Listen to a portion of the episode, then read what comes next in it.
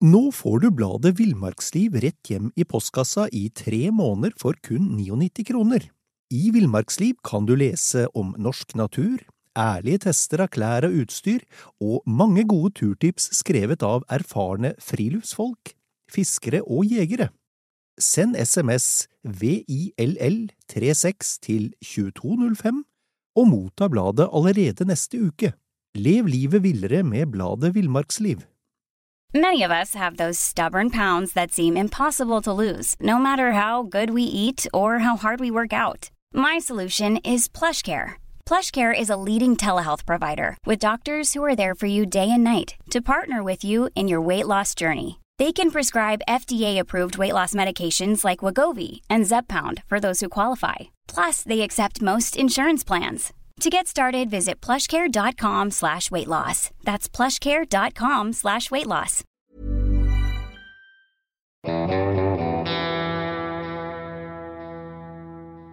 Velkommen til podkasten Villmarksliv. Mitt navn er Knut Brevik, og jeg er redaktør i bladene Villmarksliv, Jakt og Alt om fiske. I dag skal vi snakke med en av Norges aller mest erfarne utstyrstestere, Jon Arne Tungen. Til daglig er, er du rektor, Jon Arne. Du har, du har jobba nesten 14 år i Forsvaret, og du har testa utstyr for, for villmarksliv siden 2005. Kan du si litt om hvordan starta interessen din for, for friluftsliv og utstyr? Ja, nå, øh, har jeg interesse for friluftsliv egentlig helt så lenge tilbake at man huske. Nå bor vi i Trøndelag, jeg bor rett sør for uh, Trondheim. Og her har vi et område der marka og fjell og uh, ja, elv og fjord og alt er egentlig lett tilgjengelig. Så det har egentlig vært veldig naturlig. Det er ikke sånn at jeg har tatt et valg og bli interessert i friluftsliv. Det har egentlig vært en naturlig del av oppveksten og en naturlig del av uh, ja, livet opp igjennom. Ja. Så, så det starta jo har tenkt, Vi har jo forberedt oss litt i forhold til det her i intervjuet. Og, eh, så jeg har jo tenkt litt tilbake. Og, um, det starta jo for meg og kompisene mine helt tilbake da vi var sånn seks, sju, åtte, ni år. Der vi hadde fått oss soveposer og lå ute på verandaen hjemme. Ja vel. Eh, mens mamma og pappa satt inne i stua ikke sant? og passa på til vi fikk fjelltelt og la oss bak huset og lå der til vi fikk lov til å gå opp i marka. Eh, og til vi etter hvert ble litt gamlere og kunne ut, utvide aksjonsradiusen vår til å få lov til å dra på fjelltur, f.eks. Ja, ja. Så det var en slags gradvis forflytning fra verandaen og oppover i marka? Ja, jeg vil si det.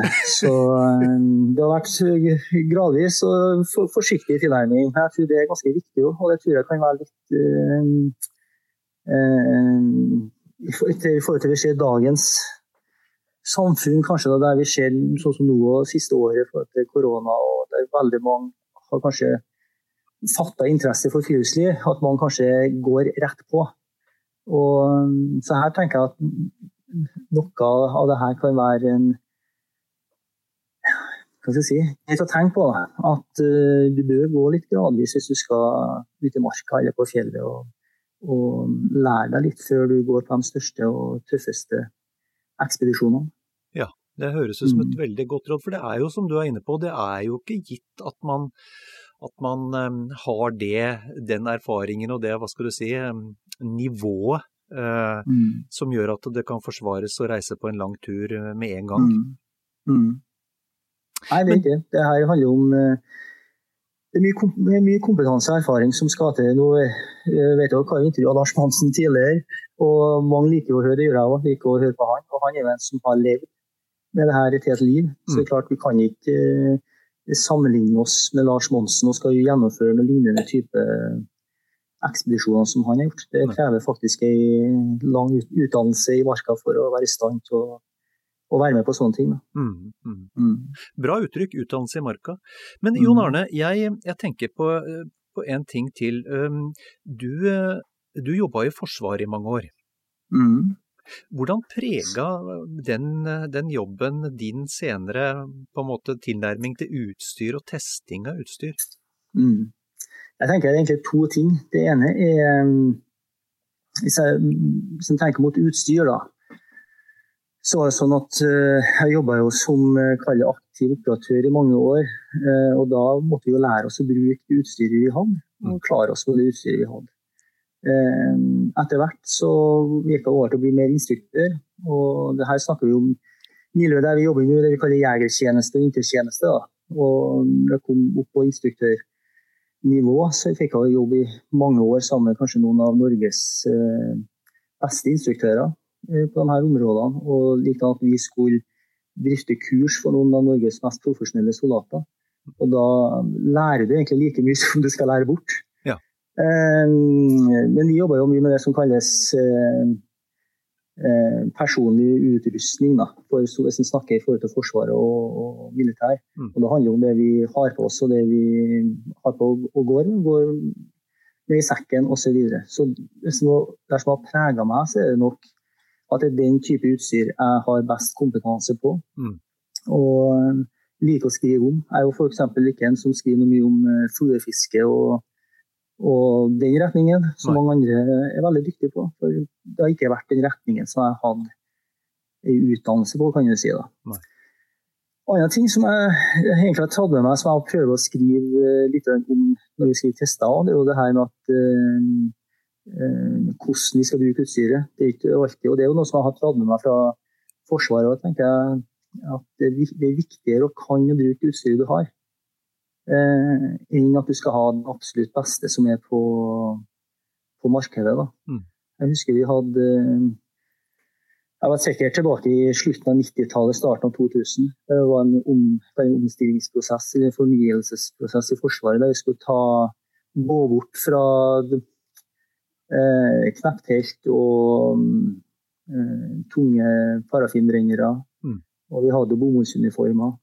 Vi hadde til og med bomullsundertøy til å bruke på vinter. Ja. Eh, og gå mer over på mer moderne utstyr.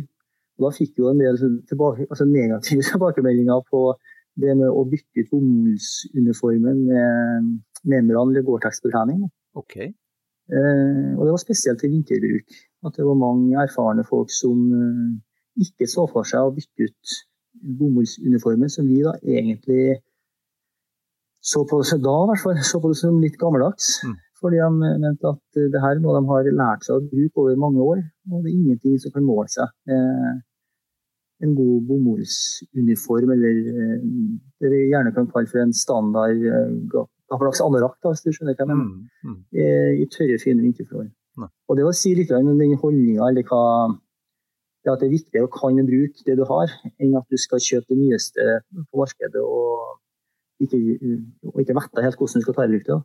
Men, men, det er jo et høyst mm. forståelig standpunkt, med det, når man virkelig kjenner utstyret sitt ut og inn og vet mm. hvordan det fungerer i ulike typer mm. vær og, og, forhold. Det er, jo forståelig. Jeg tenker det er forutsetninger, og det tror jeg er noe av det viktigste. Jeg får jo en del tips, jeg tips, jeg blir bedt om å gi en del tips eh, til folk som skal kjøpe seg utstyr og for de skal på en spesiell tur eller noe. Og da er det egentlig det som er det viktigste tipset mitt. Det har egentlig ikke å si du må selvsagt ha utstyr, en bensindriving f.eks. som er sikker, og gjerne kjøpe et velkjent merke osv.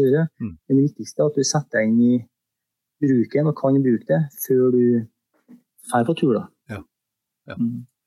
Men, men, bare for å oppsummere litt, det, det er ja. altså klart at um, de gutta du instruerte i Forsvaret, dette er, dette er uh, de aller, det aller ypperste vi har av uh, soldater, og dette er folk mm. som det er helt, faktisk helt avgjørende for at utstyr fungerer for. Mm. Og da må du vite, som sagt igjen, da må du vite uh, hvordan du skal ta vare på det, mm. vedlikehold. Hvis noe går sånn, så er det mulig å reparere det. Hva trenger du å ha med deg? Eh, for å reparere det. Mm.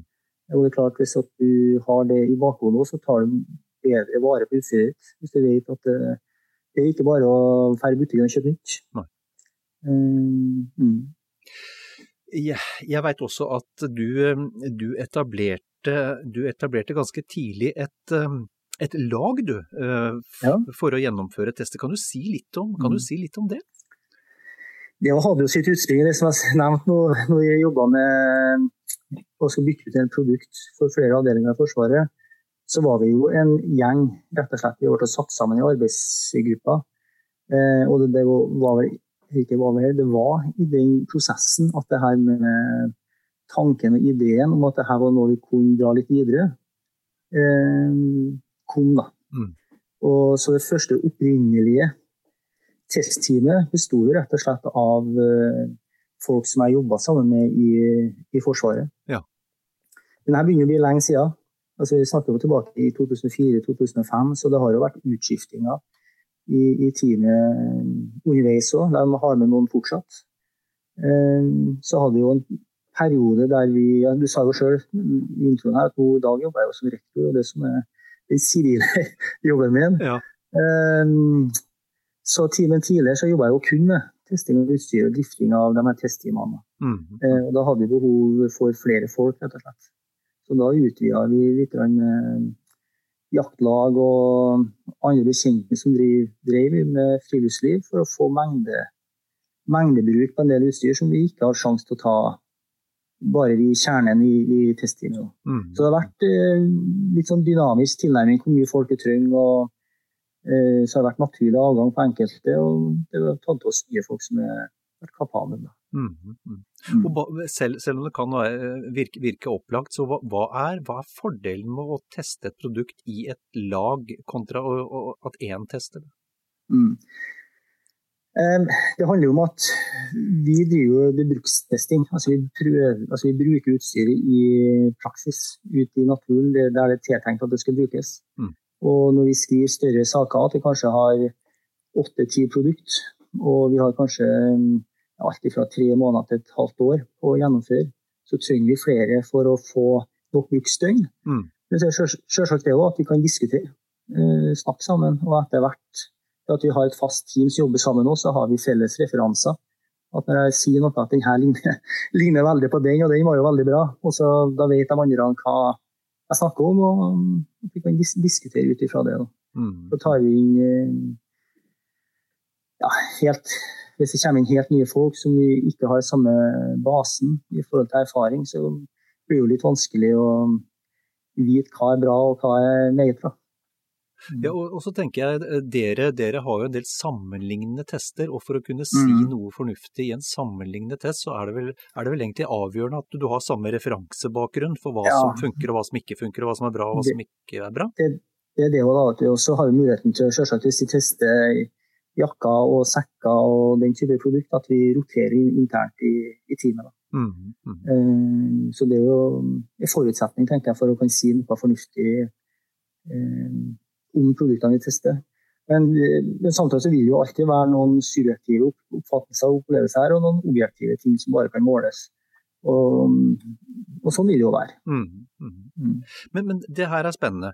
Når, um, Mm. Vi skal komme litt mer tilbake til sånn, hvordan du går fram på, på en test, men, men det her med tid-tidsaspektet. Altså hvor, hvor Mm. mye tid bør man teste et produkt for å kunne si noe fornuftig om det? Ja. Det kommer alt an på hva man skal teste. Altså, nå har vi jo gjort tester alt fra turmat til jeg si, termoser og ullundertøy og sekker og går, altså skallbekledning. Uh, da, så da kommer det alt an på hvordan utstyr du tester. Mm. Og utfordringa der det er jo utstyr som eh, er ment å vare og- i mange år. Uh, og vi kan jo ikke teste noe i fem år. Da er, det et gam, altså, kan, kan være et uinteressant gammelt produkt. Mm. Så vi må jo gjøre testinga over noen måneder, opp et halvt år kanskje. Og skal uttale oss om eh, et produkt som da kanskje skal, tiltenkt skal vare i over mange år. Mm. Så det er en utfordring. Men samtidig så her kommer det med erfaring igjen. da. At eh, vi vet litt hva vi skal se etter. Eh, og det gjør det lettere, for da kan vi eh, Ikke at vi framprovoserer, men at vi, vi vet hva vi skal se etter. Og, og da gjør det det enklere i forhold til, til det tidsaspektet vi snakker om. Mm, mm. Eh, Men samtidig også, hvis vi føler at vi er usikre, så er vi da, eh, Vi sier ikke noe vi ikke er sikre på. Nei. Hvis vi er usikre på her at uh, det her ser veldig bra ut, og vi, vi ser ikke noe uh, galt nå, eller at vi Ja, så er det ikke noen bombastiske uttalelsene våre. Det er kanskje det leserne helst vil at vi gir helt konkrete 100 svar, men det er det ofte at vi ikke kan gi. Mm. Mm. Du, du var inne på det her med med, med, sånn absolutte målbare ting kontra mm. subjektive oppfatninger. Og det, og det, er klart at Hvis du eksempelvis tar en fjellstøvel, da, så er det, det er en, mm. Eh, den har en absolutt vekt, det er, som er mm, udiskutabel. Ja. Ja. Men, men, men, det er en del Kan du si litt om dette med ja, subjektive oppfatninger kontra absolutte mål? Mm. Og igjen så kjenner vi jo alt an på hva vi jobber med. Mm. Hvis jeg sier, jeg nevnte det med turmat f.eks. Mm. Eh, så et absolutt, en absolutt verdi der kan jo være næringsinnhold, saltinnhold, fordelinga mellom protein og fett og litt sånne ting. Mm. Men så kommer vi jo òg, så, så, fort vi snakker om mat, så kommer vi jo borti smak. Ja. Eh, og det vil jo være forskjellig fra person til person. Mm. Eh, og da er det igjen veldig greit å være flere. Vi har jo gjort opp gjennom årene flere tester på termoser. Eh, og der kommer det, her, det er veldig enkelt å måle hvor lenge en termos holder temperaturen. Det, det, er veldig lett. Men hvis vi kommer bort med hvordan fungerer den i kulda f.eks., da må vi ut og prøve. Eh, så, så har vi òg en del med hvordan det blir oppfatta i praktisk bruk. Og da, da, er det opp til hver enkelt igjen. Da. Men der er det fordeler til flere. Eh, og nå har vi jo siste årene brukt på at vi har med både damer i tidsteamet, og etter hvert så har vi jo hadde en del juniorer, så da får vi jo prøve det på forskjellig eh, nivå da, mm. og for uttalelser. Mm. Men det er klart, her blir jo, hvis en skal se utvalget vårt, blir jo, altså antall testere blir jo forholdsvis lite uansett i forhold til eh, alle som er interessert i å kjøpe produktet. Mm. Um, ja. Så det kan jo være andre ting igjen, da. Ullundertøy f.eks. Mm. Det er jo noe som alltid kommer tilbake. Er det komfortabelt å ha på eller ikke? Uh, og Det blir vurdering opp til hver enkelt. Og så det, Sånne ting må nesten prøves. Mm. Men så tørkeegenskaper på et ullundertøy det er veldig lett å måle. Eh, ja. Så det kommer alt an på hva, hva, vi ser på. Det prøver vi å få fram litt òg når vi skriver. Og vi vektlegger spesielt de store sammenlignende testene så vektlegger vi jo òg de ulike parametrene våre litt ulikt. Alt etter hvis det er subjektive eh, opplevelser, så vektlegger vi det gjerne mindre enn det er målbare resultater. Mm. Som egentlig ikke er noe å diskutere på. Nei. Mm. Nei, for, det, for, det, er jo det, jeg, sitter bare og tenker sånn som bare, bare tar i forhold til fjellstøvler f.eks. Så folks mm. føtter ser jo ikke ens ut. Altså, det er jo, Nei, det er jo fysiske ja. forskjeller på oss. Helt klart. Um, og der er det sånn som nå er vi, vi bor i et ganske lite land. Uh, så hvis du går bare til ikke bare, hvis du går til Tyskland f.eks., der det er et ganske mye et større marked, så er det jo lett å få kjøpt den samme skomodellen med kanskje tre ulike vester. Så du har smal, normal og vid f.eks. Du kan få samme skoen med høy, tilpasset folk med høy rist. Eh, og det har vi gjerne ikke i Norge, for markedet er for lite. Eh, så her blir det litt, litt, det samme igjen. At vi tar gjerne inn flere, altså flere modeller av de samme skoene. For det her gås jo til etter hvert òg. Mm. En læresko den går jo inn. Eh, men her tar vi gjerne inn flere modeller, så at vi har flere i testteamet får, får prøvd. Og da har vi som regel et snitt. Uh, og vi kan kommentere om det er opplevd som en smal lest eller en ny lest. Om de er lav over rista, f.eks. De bygger dårlig under fotbuet. Mm. Det er ting som vi kan kommentere. Mm. Mm. mm. Men det er kanskje det som er en av de viktigste, viktigste produktene er, der du må prøve. Ja. ja. ja. Mm. Du, så, sånn helt generelt, hvilke, hvilke, produkter synes du, og, og, jeg vet du har testa de fleste mm. produktgruppene innen friluftsutstyr, altså hvilke produkter er lette å teste, og hvilke er vanskelig å teste? Ja, det er egentlig et godt spørsmål. Det, og det igjen handler om erfaring. Hva har vi vært borti tidligere? Og da, Det som jeg syns er vanskeligst, det er hvis det kommer helt nye produkt. Altså ting som vi ikke har noen referanser fra tidligere. Mm. Og da kommer det inn her med tidsaspektet igjen. Eh, hvis det er et helt nytt produkt, en helt ny type et materiell f.eks. som er brukt i en jakke, Eh, for jeg har snakka gjerne om laminerings, ulike lamineringsteknikker og sånne ting. Eh, og da blir vi litt eh, Da er det litt vanskelig å uttale seg veldig sikkert, da. Mm. Hvis det er noe som ingen andre Kanskje det er bare én produsent som kommer med det her i år. Og det er ingen andre som har test, fått testa det, og det er første gangen vi får får tak i det. Da blir det litt eh, vanskelig å For da vet vi ikke helt hva vi skal se etter.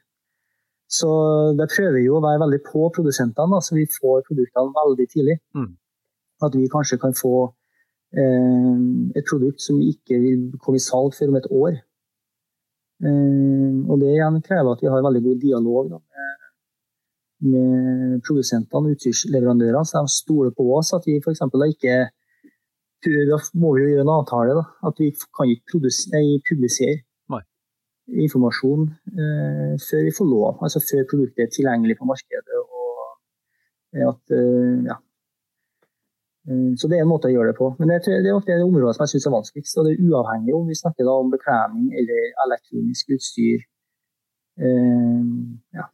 Nye, nye typer løsninger på fjellsko, f.eks. Mm. Mm. Men, men, jeg tenker sånn, Du nevnte produsenter selv, og Mm. eh, de har jo naturligvis stor kommersiell interesse av at, at produktene deres får en god omtale. Mm. hvordan, Mm. hvordan reagerer de, og det er jo på, langt nær alt som får god omtale, hvordan reagerer de når du sier at dette var faktisk ganske middelmådig, eller dette har de og de Mm. svakhetene? Ja. Det er der vi, ser, der vi uh, ser hvem som er profesjonell og ikke profesjonell av utstyrsprodusenter. Ja. Så de store, seriøse importørene og produsentene de er veldig greie å forholde seg til. Uh, og de ser gjerne, de vet som regel Når vi gir tilbakemelding, så har de gjerne fått de samme tilbakemeldingene fra, fra andre òg. Så det går som regel veldig greit. Største utfordringa, som jeg som snakker om fra min erfaring, da, Mm. det er vel heller mine mindre firma som importerer parti, altså billig som no brand altså produkter. Ja. Parti, eh, som de ønsker å selge ut. Der eh, det kan være veldig varierende kvalitet. Da. Mm. Eh, Der de da, hvis vi går ut med ei som du sier, middelmålig anbefaling eller ikke anbefaling, Mm. Eh, at da vi brenne inn rett og slett med en del materiell. Men eh, og der har vi jo fått en del tilbakemeldinger som ikke har vært eh, bare hyggelige. da. Men samtidig må jeg si, og det har jo, altså vi har jo hatt diskusjoner der med dere i redaksjonen for Villmarksliv òg, hva som er formålet med mye av det vi skriver om. Skal vi skrive fin og skrive om gode produkter som vi kan anbefale? Eller skal vi lete etter produkt som vi mener ikke holder mål? Mm. Og der har jo vi vært tydelige på at vi ønsker å lete og finne de gode produktene som vi virkelig kan stå inne for og anbefale til leserne. Mm. Og de kan eh, ja, eh, få glede av og, og, i flere år. Mm. Så der har jo hendt at vi har hatt inn produkter der vi har sagt at det her, det her holder ikke mål, rett og slett. Det her sender vi bare tilbake. Og vi velger å ikke omtale, rett og slett, for vi syns at det kanskje ikke er et ferdig produkt, eller at uh, vi ikke har, det er ikke forenlig å bruke det i forhold til friluftsliv, f.eks. Mm. Har, har, du vært borti produkter som er så dårlige at de, de nærmest er farlige, eller tett inntil verdiløse? Hvis vi snakker om farlig, farlig da, så da må du tenke på hva du skal bruke det hen. Mm. Eh, altså hvis det er en jakke, glidelåsen på, hvis du går ut og går tur med hunden og glider eh, rundt eh, i nabolaget ditt, og glidelåsen på jakka i gårdsjorden, Mm. så er det jo ikke direkte farlig. Men eh, er du på tur på over Grønland og glidelåsen bøker i gårdsjorden, så kan det jo være direkte farlig. Mm. Mm. Så det kommer an på hva du bruker det hen. Og så kommer det an på type utstyr, tenker jeg. Eh, Vi har jo hatt de verste, eller farligste tilfellene vi har vært borti. Det er bensinbrennere, eller sånn multifuel-brennere. Mm. Eh, Og da er det spesielt multifuel-brennere som er tiltenkt at du skal kunne brenne eh, ulike typer drivstoff på den samme dysa. Ja. Altså du, at du ikke trenger å skifte dyse for at du brenner parafin eller gass eller bensin. Mm. Og mm, da har vi vært i eh, rett og slett farlige episoder der vi ikke får til Altså at du får sånn støt, støtvis flammer på brenneren. Og har du da vært noe som ikke anbefales, men som jeg vet veldig mange erfarne turfolk gjør, at du koker kaffe eller varme mat i forteltet f.eks. Mm. på et fjelltelt, så kan det være direkte farlig. Mm. Så det er nok det som jeg vil eh, Hvis jeg skal trekke fram noe som folk må være eh, observant på, Mm. så er det nok eh, spesielt multifilbrennere, altså som er veldig et veldig sånn teknisk apparat som du virkelig må kan for å bruke. Ja. Eh, og der igjen så er det ja, Hvis du kommer bort til noe som er veldig, veldig billig, så bør du på akkurat på den type produkt så bør du kanskje styre unna. Altså. Mm. Eller om du skal bruke det sjelden, så sier ja, men jeg skal bruke det bare noen gang. Ja. Men det er kanskje enda viktigere at du har noe som er trygt. Eh, For da kjenner ikke du produktet ditt, og du er ikke vant med å bruke den type produkter. Mm. Mm. Og, og det leder oss jo litt over på det her Mm. med pris og, og kvalitet, Mm. Jon Arne. Du, Men det svarte ikke spor meg om verdiløst. Ja, ja! Ja, verdiløst, ja! Jeg snakker meg som bort sjøl, vet du. Men, eh, og det er noe Det som irriterer meg noen gang, for vi har jo uh, gjort en del te- telttester opp igjennom. Og det som jeg blir mest Det er sjelden jeg blir irritert, men det som irriterer meg som sagt noen gang, det er kvaliteten på en del telt som selges. da. Eh, og det bringer oss litt over på det neste spørsmålet, det som handler om eh, pris og kvalitet. da. Men det er jo en del telt som blir annonsert som sånn typisk eh,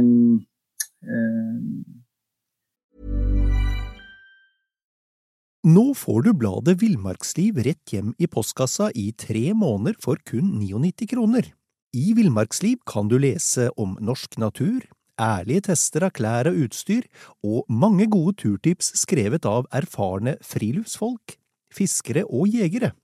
Send SMS VILL36 til 2205 og motta bladet allerede neste uke. Lev livet villere med bladet Villmarksliv.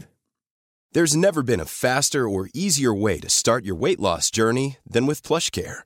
PlushCare accepts most insurance plans and gives you online access to board-certified physicians who can prescribe FDA-approved weight loss medications like Wigovi and Zepbound for those who qualify.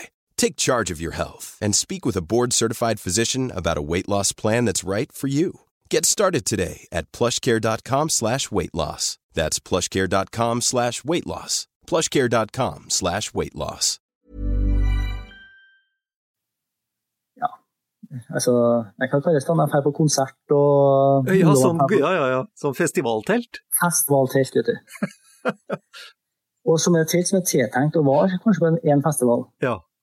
Og vi har jo sett eh, bilder eh, fra ulike festivaler der vi legger igjen en hel skog av eh, telt som er nærmest engangs.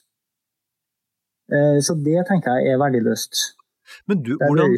Ja, nei, men, nei, men det, det der er spennende, fordi uh, jeg har også sett en del sånne telt i bruk. Mm. Og, og hvordan, hvordan Rent bortsett fra prisen, da, som, som jo gjerne Mm. er bare noen ganske få hundrelapper. Mm. Hva, hva er det som skiller disse verdiløse teltene fra de som er brukende? Det er, det er kvalitet på materialene som er brukt, da. rett og slett. Det er dårlige sømmer, og sømmer som ikke er teipa. Eh, dårlig vannsøy, altså hvor godt de tåler fukt. Mm. Eh, Vi kaller gjerne vannsøyle.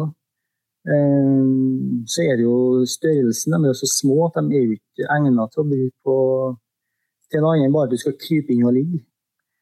Og stenger og så videre som er brukt, er gjerne også så dårlig kvalitet at eh, det, du skal ikke mye til for at det knekker. Mm. Stangkanaler som er revne. Eh, Pakkposer som ikke tåler at du stapper tilbake i igjen. Mm. Eh, Plugger som eh, Mangel på plugger eller plugger som bøyes. Eh, Ja, pluggfester som revner. Så det er rett og slett et dårlig produkt Ja. som er laga for eh, nærmest engangs. Engangstelt, altså. Ja, nærmest det, altså. Mm. Så det, det syns jeg er dårlig, rett og slett. Ja. Men det, er tydelig et marked, det er jo tydelig et marked for det.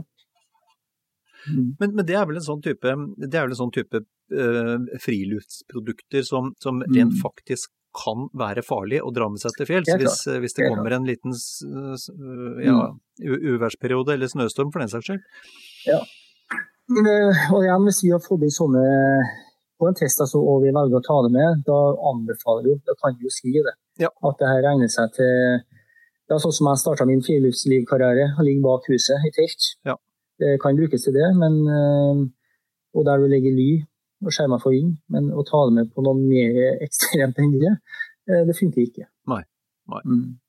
Du, og, og det øh, holdt jeg på å si, vi skal litt over til mer på pris og kvalitet, men, men, men jeg tenker på det, på det her hva Og én ting er nå disse engangshelta, da, da kan man vel ikke forvente å, å, få igjen sine 298 kroner eller hva man betalte, mm. men, men, når produkter blir øde, hvor, hvor, mye kan man forvente av et produkt, mm. eksempelvis fjellstøvler eller en sovepose? Hvor lenge skal det holde, og hva, er, hva kan man be om å få igjen hvis det går, går i stykker tidlig? Du har i Norge så har vi jo ganske klare forbrukerrettigheter, mm. Eh, så det må du bare følge opp. Eh, og ta vare på kvitteringer og sånne ting. Hvis, hvis det er noe. Så jeg tenker at man, Det kan være lurt hvis du kjøper et produkt å ta det i bruk eh, med en gang. Så at du ikke kjøper et produkt og så har du det liggende. Mm. Og så skal du ta i bruk det, så har det kanskje gått et år. og så kommer utvikleren og sier at jeg har brukt det to ganger. Så sier jeg at det er et år siden du kjøpte det da stiller du litt svakt. Mm, godt poeng. Eh, samtidig som handler det om type produkt. Da. Jeg husker jeg fikk en historie mm, fra en kjent Jeg skal, skal kanskje ikke si navnet på produsenten her, men en veldig kjent norsk skoprodusent. Ja. Der de hadde eh, en, støvel, altså en jaktstøvel som vi har, den på test, og syntes var kjempegod. Og vi skrev det. Mm. Og så hadde de en kunde som klaga. Støvel gikk sund. Eh, sendte inn, så fikk jeg en ny. Så hadde han støvelen noen noen måneder igjen. Og støvelen gikk sund, han klaga. Og ja, sendte inn, og han fikk ny. Så måtte de jo spørre dem, da. Ja. Eh, hva var det liksom, hva gjorde han med støvlene og skoen? For de så rett og slett utslitt ut. Det var ikke at det var noe feilbruk, de kunne ikke si det var utslitt.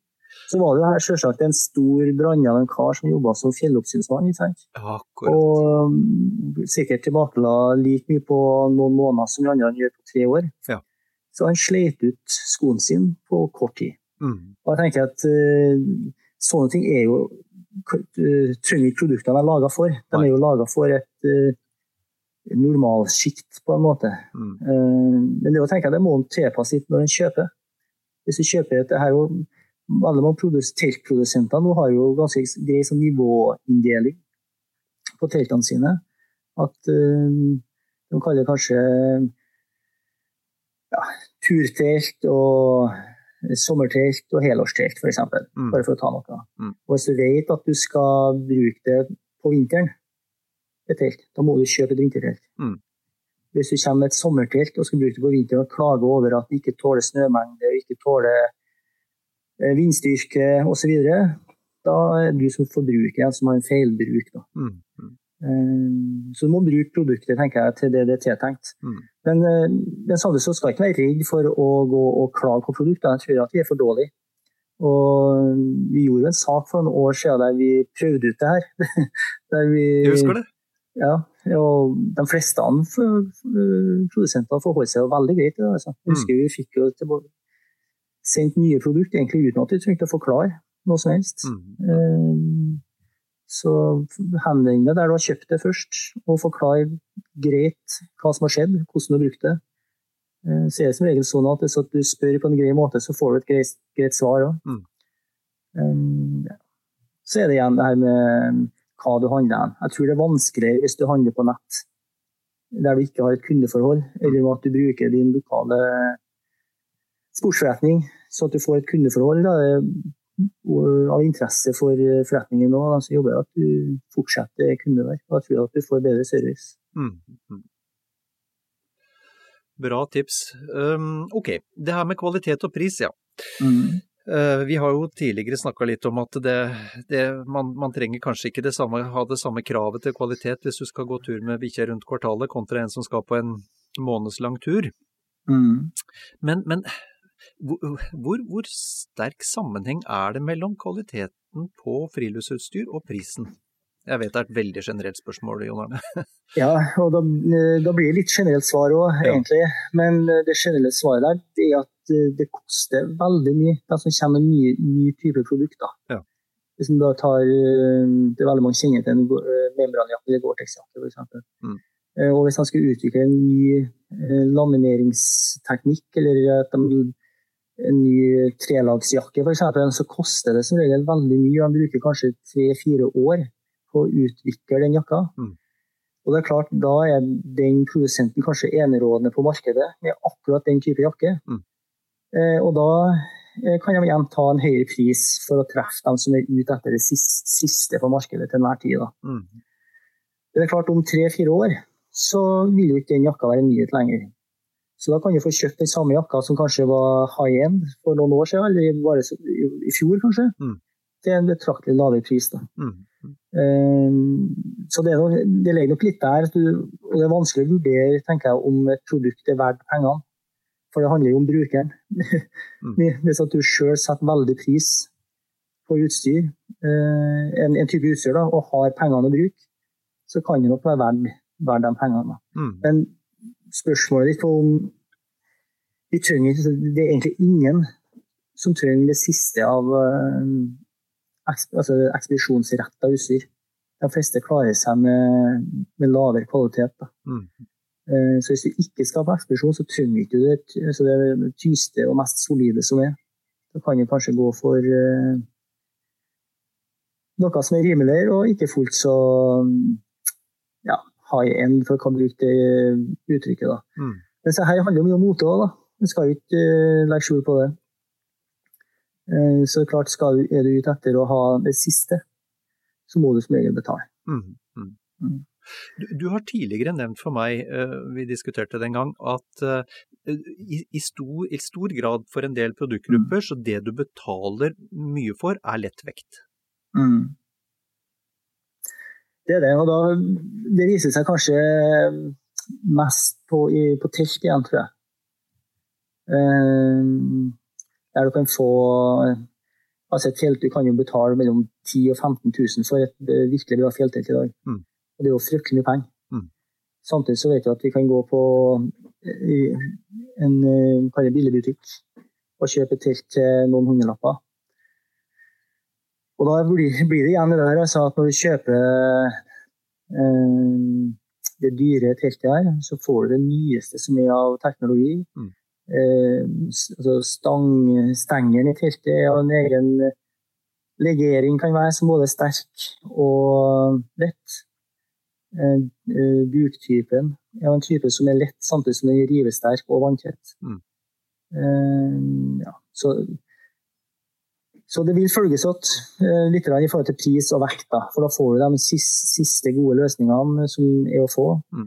Eh, og det er et funksjonelt produkt på, i forhold til lav vekt. Mm. Men igjen så handler det om lav vekt. Det er jo først og fremst hvis du skal putte i sekken og, og bære det. Um, driver du med kano f.eks., så trenger du ikke Da blir det plutselig kanskje ikke et tema igjen. Mm. Da kan du være et rimeligere telt med høyere vekt som kanskje er like solid. Mm. Uh, ja, og hvis du driver med bilbasert camping, så kan du gå for tyngre produkter som ikke veier så mye. Mm. Mm. Og, og, så tenker jeg, eh, greit, vi, vi velger utstyr etter, etter, pengebok, og vi velger mm. utstyr etter behov. Det har, det har, du vært litt inne på. Uh, mm. Men så tenker jeg det her med det å kjøpe bruktutstyr, eller mm. B-varer. Og jeg ser at det er en del sånne outletter på, på, hjemmesidene til en del norske produsenter, i hvert fall. Altså, mm. Hvilke muligheter har vi til å og, og, og, hva kan vi få der når det gjelder mm. ja, brukt og, og B-varer og outlet eh, fra produsentene, det har jeg vært eh, veldig lite bekymra for å kjøpe. Mm. Eh, da må du spørre hvis en B-vare, hva er det som gjør det til en B-vare? Og som regel så er det bare minim, altså, veldig veldig små feil som gjerne ikke har noen praktisk betydning. Så lenge at du går gjennom produsenten, så tenker jeg at det er greit. Mm. Hvis du kjøper brukt utstyr, altså at du handler på Finn eller sånne ting, ja. da må du igjen se på hva du kjøper, tenker jeg. Mm. Jeg har vært veldig skeptisk til å kjøpe uh, Igjen tilbake til multifuel-brennerne. Ja. Den type utstyr har jeg ville vært skeptisk til å kjøpe. Um, mens annet utstyr, uh, et par ski f.eks., um, har ikke vært skeptisk til å kjøpe mm. brukt. Så det handler igjen om um, hvilken type produkt og hva du skal bruke det til. Men det er klart, det, der er jo masse penger å spare. da. Hvis du, hvis du sjekker på nett, så er det um, mye utstyr som er tilgjengelig til en brøkdel av uh, veiledende pris. Mm. Sekker, eksempel, Mm. har jeg villet vært uh, Det er ganske veldig greit å kjøpe brukt, tror jeg. Ja. Mm. Ok, um, greit. Det, så siden vi nå har deg i tale, uh, og som Mm. en av landets desidert mest erfarne utstyrstestere, så kunne jeg godt tenkt meg å spørre deg om du kunne gi noen råd ja, til henholdsvis uh, kjøp av fjellstøvler, sovepose og, og sekk. Mm. Skal vi starte med fjellstøvler? Ja. Det som jeg sa tidligere, så tror jeg nok at fjellstøvler er kanskje det viktigste produktet der du må prøve. Ja. Eh, For det er ikke noe vits å kjøpe eh, de fjellstølene jeg har sagt er de beste på markedet, Nei. hvis de overhodet ikke passer foten din. Nettopp. Så det må prøves. Eh, Først finn en støvel som passer til foten din. Og så da kanskje gå for det samme, og vet du og merkene, ulike merkene, er gjerne litt like i, i fasong. Så hvis du vet at du bruker f.eks. Crispir, Alfa eller eh, ja, de her kjente, Mm. for, for, for å ta et eksempel, Ja. så vil som regel en ny modell òg passe deg. Mm. Men du, du må prøve. Det er først, førstepri på, på fjellstøvler. Så er det nok kanskje det fjellstøvler, i tillegg til undertøy, da, det eneste produktet jeg ikke vil ha kjøpt brukt. Det er jeg enig med deg. Eh, Ja, eh, for det er noe du går inn. Ja. Og da kan jo være direkte skadelig for foten din. Mm. Hvis du kjøper en sko som er godt innvodd av noen andre. Da. Mm. Um, ja. Så det er passform, eh, rett og slett. Mm. Så fjellstøvler, òg, hvis du tar det, så er det jo eh, Må du se litt på hva produsenten anbefaler av vedlikehold. Eh, mange tror at de kjøper en Gore-Tex-sko, og så trenger de ikke å drive noe vedlikehold på det. Men eh, er det en lærstøvel, så må læret fortsatt vedlikeholdes. Mm. Eh, og det må tørkes. Eh, og det er ganske ømfintlig. Enkelte, enkelte typer produkter er ganske ømfintlige i forhold til direkte varme, f.eks. Mm. Mm. Så her må en se litt på hva som er anbefalt. Jeg blir fortalt det, bare for å Mm. høre om det, om, om det, at man ikke skulle lagre det rett på, gulvet, på gulv med varme i, men, men heller henge det opp. Ja, Er det noe i det? eh, Det er faktisk noen som er så ømfintlige. Spesielt hvis du har natur, altså naturprodukter. Gummi, hvis det er en gummisåle på en gummistøvel f.eks., Mm. så vil det ikke være bra for den å stå på et uh, oppvarma gulv over lengre tid. Nei. Det heller f.eks. ikke stå, tørk, stå på trappa i sola f.eks. Mm. over lengre tid. Eh, Så det er noe i det. Så det mm, Du skal ta vare på det, rett og slett. Du, en, en ting jeg lurte på, Mm. det, Mm. det er også noe du uh, tipsa meg om en gang i tida. Mm. Eh, det her med såler. eh, og hvis man Mm. er en, en, en godt voksen mann, og, og Mm. eksempelvis som, som det var aktuelt den gangen, å drive og, og bære tunge sekker med, med elgkjøtt, så hadde du et Mm. råd om at da skal du nesten ikke klare å, å bevege såren sideveis. Ja, ja. Både sideveis og i rulleretning, egentlig. Hvis Nettopp. du tenker at du skal bære, bære tungt. da. For Ja. at den støvelen skal gi støtte til foten din. Mm. Og mm, for min egen del, jeg veier jo nesten 90 kilo. Eh, Så hvis jeg skal bære på reinsjakta, kanskje jeg har nesten tilsvarende vekt i sekken nå når jeg går, går hjem. Mm. Eh, Så da snakker vi om at sål, at sålen skal gi støtte til 100-150 kilo. Ja. Eh, og da er det sånn at når du tar opp sko, Hvis du kjenner på en sko i butikken, da, og du skal kjøpe en sko til det her bruket, Mm. så bør du nesten ikke klare å bøye sålen i rulleretning.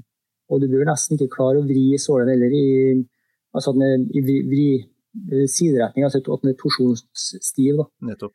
For, fordi at eh, det er ganske store krefter som eh, påvirker den. Mm. Og likedan hvis du kjenner på sålen nå, på gummidetaljene under sålen, så er det sånn at du bør akkurat så du klarer å røre på dem hvis du tar i med tommelen din. Ja. Eh, hvis den er veldig mjuk, eh, sålen igjen, og du tenker altså litt sånn tøff bruk, så vil den slites veldig fort. da. Riktig. Så, men, det spes, men det er spesielt det med at man går for for myke såler, altså, spesielt på hvis det er litt tyngre, for nå snakker vi om ganske tung rut. da. Mm. Mm. Eh, Mm. Men, men så er det også forskjell på sårene, um, Jon Arne. Det her med, med Mm. hvor god gripeevne de har på, på underlaget. Ja, det er det. Og hva er det det, hva er det, det skyldes?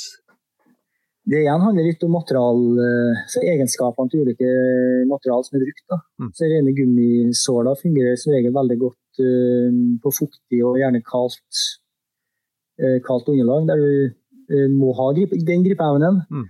Men skal du gå mye i fjellet, si at du er rypejeger og går på topp, topp, topper og i fjellet på stein, Mm. så bør du ha en såle som er veldig stiv og hard for å tåle den påkjenninga. Mm. Så at igjen, da, hvis at du går med litt uh, vekt i sekken nå, så har en mjuk såle, så vil du kunne kjenne det gjennom sålen hvis du går og balanserer i steinura. Mm. Men uh, så igjen, en mjuk såle vil gi godt grep. Hard såle vil gi god støtte og, og mindre slitasje i høgfjellet. da. Mm. Mm. Så er det selvsagt går an å se. Så det her er jo ikke noen sånn rakettforskning, egentlig. Det går an å se på såle nå. Altså en såle som har, der du ser har grovt mønster og ja, vil ha bedre gripeevne hvis du skal gå i myra og sånne ting. En såle som er tilpassa grus og nesten ikke har noen annen lave knotter under. Mm. Mm. Nei, men det var gode råd. Um, Mm. når, det gjelder, når det gjelder sovepose, Ja. hva skal vi tenke på der? Der igjen så kommer vi bort til med vekta. Ja. Hvis eh, Og i ytterpunktet her så har vi nok dun, dunposer. Si at du skal trenge en pose til, som skal være veldig varm, altså du skal ligge ute på vinteren. Samtidig som du skal bære det med deg. Mm. Så er det, da finnes det nå i dag fantastiske, gode dunposer. Men de koster igjen forferdelig mye. Ja. Og så er det noe, om, noe med det at når du har eh, jobber med naturprodukt sånn som dun, så må det eh, kreve mer omtanke enn et eh, kunstig fiber. Mm. Eh, så igjen så kan jo gå for det dyreste og absolutt beste for markedet, men det krever igjen mer omtanke og, og høyere eh, kunnskapsnivå for å ta vare på det. Mm. Eh, og under bruken òg. For hvis en dunpose blir blaut, så kollapser den. Altså den blir helt tynn som et ark, rett og slett. Papirark. Mm. Mm. Og det kan være farlig. Så jeg må se igjen litt på bruken, da. Men uh, igjen så handler det litt om uh, Skal du ha en allround-pose, så vil jeg nok anbefale en uh, fiberpose, som vi sier. Ja, Nettopp. Uh, Dunprodukter er fantastisk, men det krever mer kompetanse. Mm. Uh, så jeg må jo se på Kjøper du en pose fra en liggende på hytta for å bruke som ekstra dyne når du har gjester, Mm. så kan du kjøpe en tung, god og vid pose som er behagelig, å- behagelig å legge i. Men skal du bære med deg, så bør det være en uh, lettere variant igjen, der som kanskje har eh, det man kaller mumiefasong. Mm. Sånn at du blir ikke så god plass, men uh, den er lettere å ta med seg. Mm. Eh, Så snakka vi så vidt gjennom her på soveposer og de her eh, temperaturgrensene. Ja, det, for, det forundrer, eller det ikke forundrer, men det forvirrer meg av og til. Mm. Ah, Ja. Og de her, det som er oppgitt som ekstremgrenser her, det er ekstremt. altså. Da snakker vi om at du skal overleve. Da er det ikke snakk om at da, hvis du kjøper en pose som det står 10 minus, som er ekstremgrense på, Ja. eh, og du ligger ut i 10 minus, da, da sør ikke du. Da overlever du. Ok. Eh, Så her må du se på eh, komforttemperatur, og det kan variere mellom dame og mann. Så damene vil gjerne ha litt høyere De trenger litt høyere eh, altså Normalt da, så trenger de en mer mer isolert pose enn en mann. Okay. og Derfor at det er kjønns, eh, kjønnsforskjeller på de komforttemperaturene. Men Ja. Hvis du- ser på komforttemperatur, eh, så er det rimelig innenfor. Det varierer jo litt, litt større eh, Det kan være ganske store sprang, men noen er ganske snevert temperaturområde. Hvis du kjøper en veldig lett sommerpose, f.eks., Mm. Mm. så vil den kanskje være at det står fra pluss tre til pluss eh, ti grader, f.eks., som anbefalt. Nettopp. Så gå etter Mm. komforttemperaturen som er oppgitt. Gå etter komforttemperaturen som er oppgitt, og så mm, kan jo eh, Hvis du tenker å bruke en sovepose i ulike sesonger, Mm. så kan du gjerne kombinere to soveposer. Eh, Istedenfor å kjøpe én vinterpose og en sommerpose, så kan du kanskje kjøpe en som gjerne kalles en tresesongerspose, Mm. Som blir en god allrounder. Og så kan du kjøpe en lett sommerpose, som da er lett og god å ha med seg på fjellet om sommeren. Mm. Hvis du skal bruke den om vinteren, så kan du bruke den sommerposen som heter eh, innerpose i den tresesongen din. Ah. Så har du en eh, glimrende vinterpose. Da. Ah, Og da får du jo en, eh, en, en synergieffekt da, av at du har to lag i, posen. Mm. Så det gir Det kan være et tips, da, istedenfor å ende opp med en virkelig tung vinterpose hvis at du trenger det. Som du kanskje bare bruker på de mest ekstreme, altså når det er mest ekstreme temperaturer. Mm. Mm. Så det er bedre å kombinere, rett og slett. Men her tenker jeg, Mm. når det gjelder sovepose, så, så er det vel sikkert også en, en god idé å, å, å snakke litt med folk i sportsforretningen, da, hvis du har et, um, har et forhold Mm. til en sportsforretning eller en det, det, jeg mener, Det er flinke folk som jobber der, stort sett, er det ikke det? Mm. Det varierer jo. Mm. Eh, altså mi, min erfaring er at eh, det varierer veldig. Mm. Du kan gå på et stor altså et kjed, Vi har jo flere store kjeder. Og der mange sier at ja, men de kan jo ikke noe. De, det er nesten, ja. Men eh, det er min erfaring at mange som jobber på store butikker nå, at de er veldig dyktige. Mm. Og eh, at det er veldig god hjelp i å spørre. Eh, Men så finnes det jo gjerne utvikling mindre, eh, mindre butikker der som er kanskje litt mindre utvalg. Da. Mm. Mm. At da kan de kanskje produktene sine enda bedre. Mm. Så det er, det er jo lurt å gå og spørre. Så kan en jo spørre på flere plasser. Hvis det er noe, noe som koster en del, Mm. Så at det blir litt av investering for det, så bør du kanskje sjekke litt flere plasser for å få litt råd og tips. Mm. Mm. I tillegg til å lese testene dine i Villmarksliv, naturligvis. I, selvsagt. Jon Arne, vi, vi må Ja. snakke litt om sekk også. Ja. Um, og da, da er det jo naturligvis mange, mange typer sekk. Men hvis vi, tar, hvis vi tar utgangspunkt i en dagstursekk, da. Mm. Hva skal, vi, hva skal vi legge vekt på der når vi, når vi velger oss en sekk? Altså, den største feilen folk gjør, tror jeg, når de kjøper sekk, Mm. det er at de kjøper for stor. De tenker eh, kanskje de fleste har, eh, har behov for en dagstursekk. De går kanskje på tur på marka og skal ha med seg en varmejakke og termos og mat, eller de skal ha med noe ekstra klær til ungene og sånne ting. Og da holder det med en, en normal dagstursekk på 30-40 liter. Mm. Men de fleste tenker at vi kjøper en større sekk som, eh, så, så vi har. Ja. Men å, å gå med en stor sekk som ikke er godt pakka, det er, kan være ubehagelig. Mm. Så det første tipset mitt er å være litt realistisk. Hva tenker du at du skal bruke sekken til? Og så kjøper du egentlig den minste sekken som fyller behovet ditt. Eh, Da får du mest, eh, den beste opplevelsen du bruker den. Mm. Mm. Men så er det også, hvis du skal se på andre ting på en sekk, så er det rygglengde. For der er det ganske store forskjeller. Og nå blir det flere, flere og flere modeller som kommer justerbar rygglengde. Mm. Eh, og det er ikke tull og fjas, altså.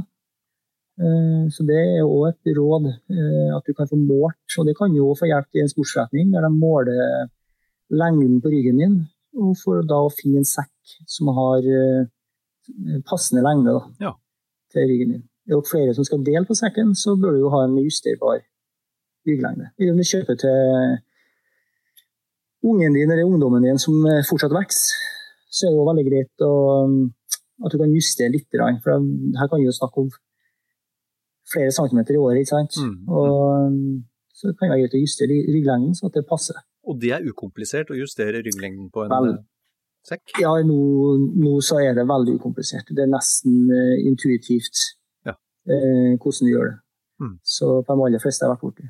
Så det er en veldig grei operasjon som du kan gjøre sjøl. Du får helt sikkert hjelp til det hvis, du kjøper, hvis du kjøper denne den i en sportsforretning. Mm. Så får du helt sikkert hjelp der til å finne riktig lengde og stille inn og justere. Mm. Mm. Mm.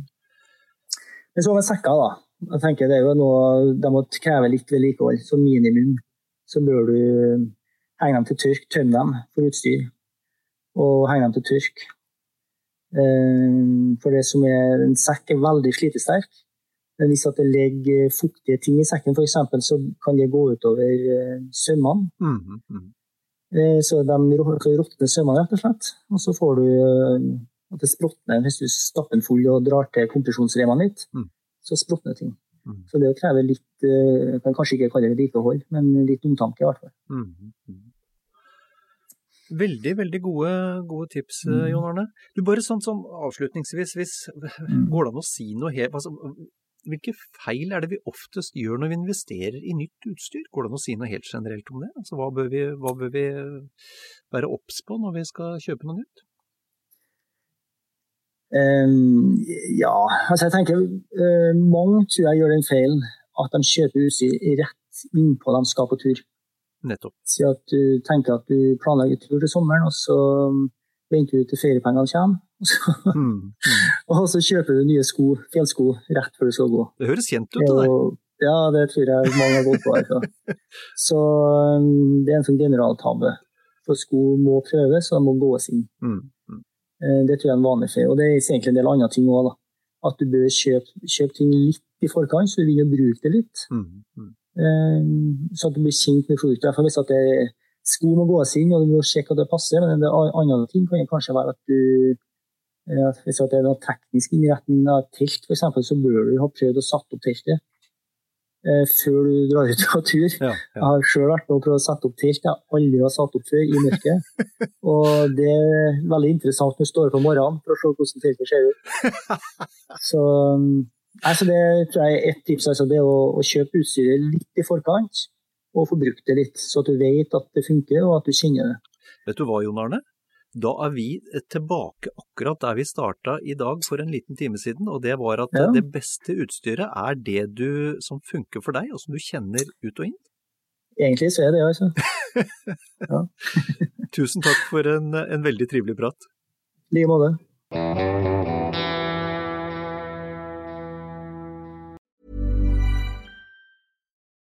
Nå får du bladet Villmarksliv rett hjem i postkassa i tre måneder for kun 99 kroner. I Villmarksliv kan du lese om norsk natur, ærlige tester av klær og utstyr, og mange gode turtips skrevet av erfarne friluftsfolk, fiskere og jegere. Send SMS VILL36 til 2205 og motta bladet allerede neste uke. Lev livet villere med bladet Villmarksliv. Imagine the softest sheets you've ever felt. Now imagine them getting even softer over time. That's what you'll feel with Bowl and Branch's organic cotton sheets. In a recent customer survey, 96% replied that Bowl and Branch sheets get softer with every wash. Start getting your best night's sleep in these sheets that get softer and softer for years to come. Try their sheets with a 30-night guarantee. Plus, get 15% off your first order at bowlandbranch.com. Code BUTTERY. Exclusions apply. See site for details. Mom deserves the best, and there's no better place to shop for Mother's Day than Whole Foods Market. They're your destination for unbeatable savings, from premium gifts to show-stopping flowers and irresistible desserts. Start by saving 33% with Prime on all body care and candles. Then get a 15-stem bunch of tulips for just $9.99 each with Prime. Round out Mom's menu with festive rosé, irresistible berry chantilly cake, and more special treats. Come celebrate Mother's Day at Whole Foods Market.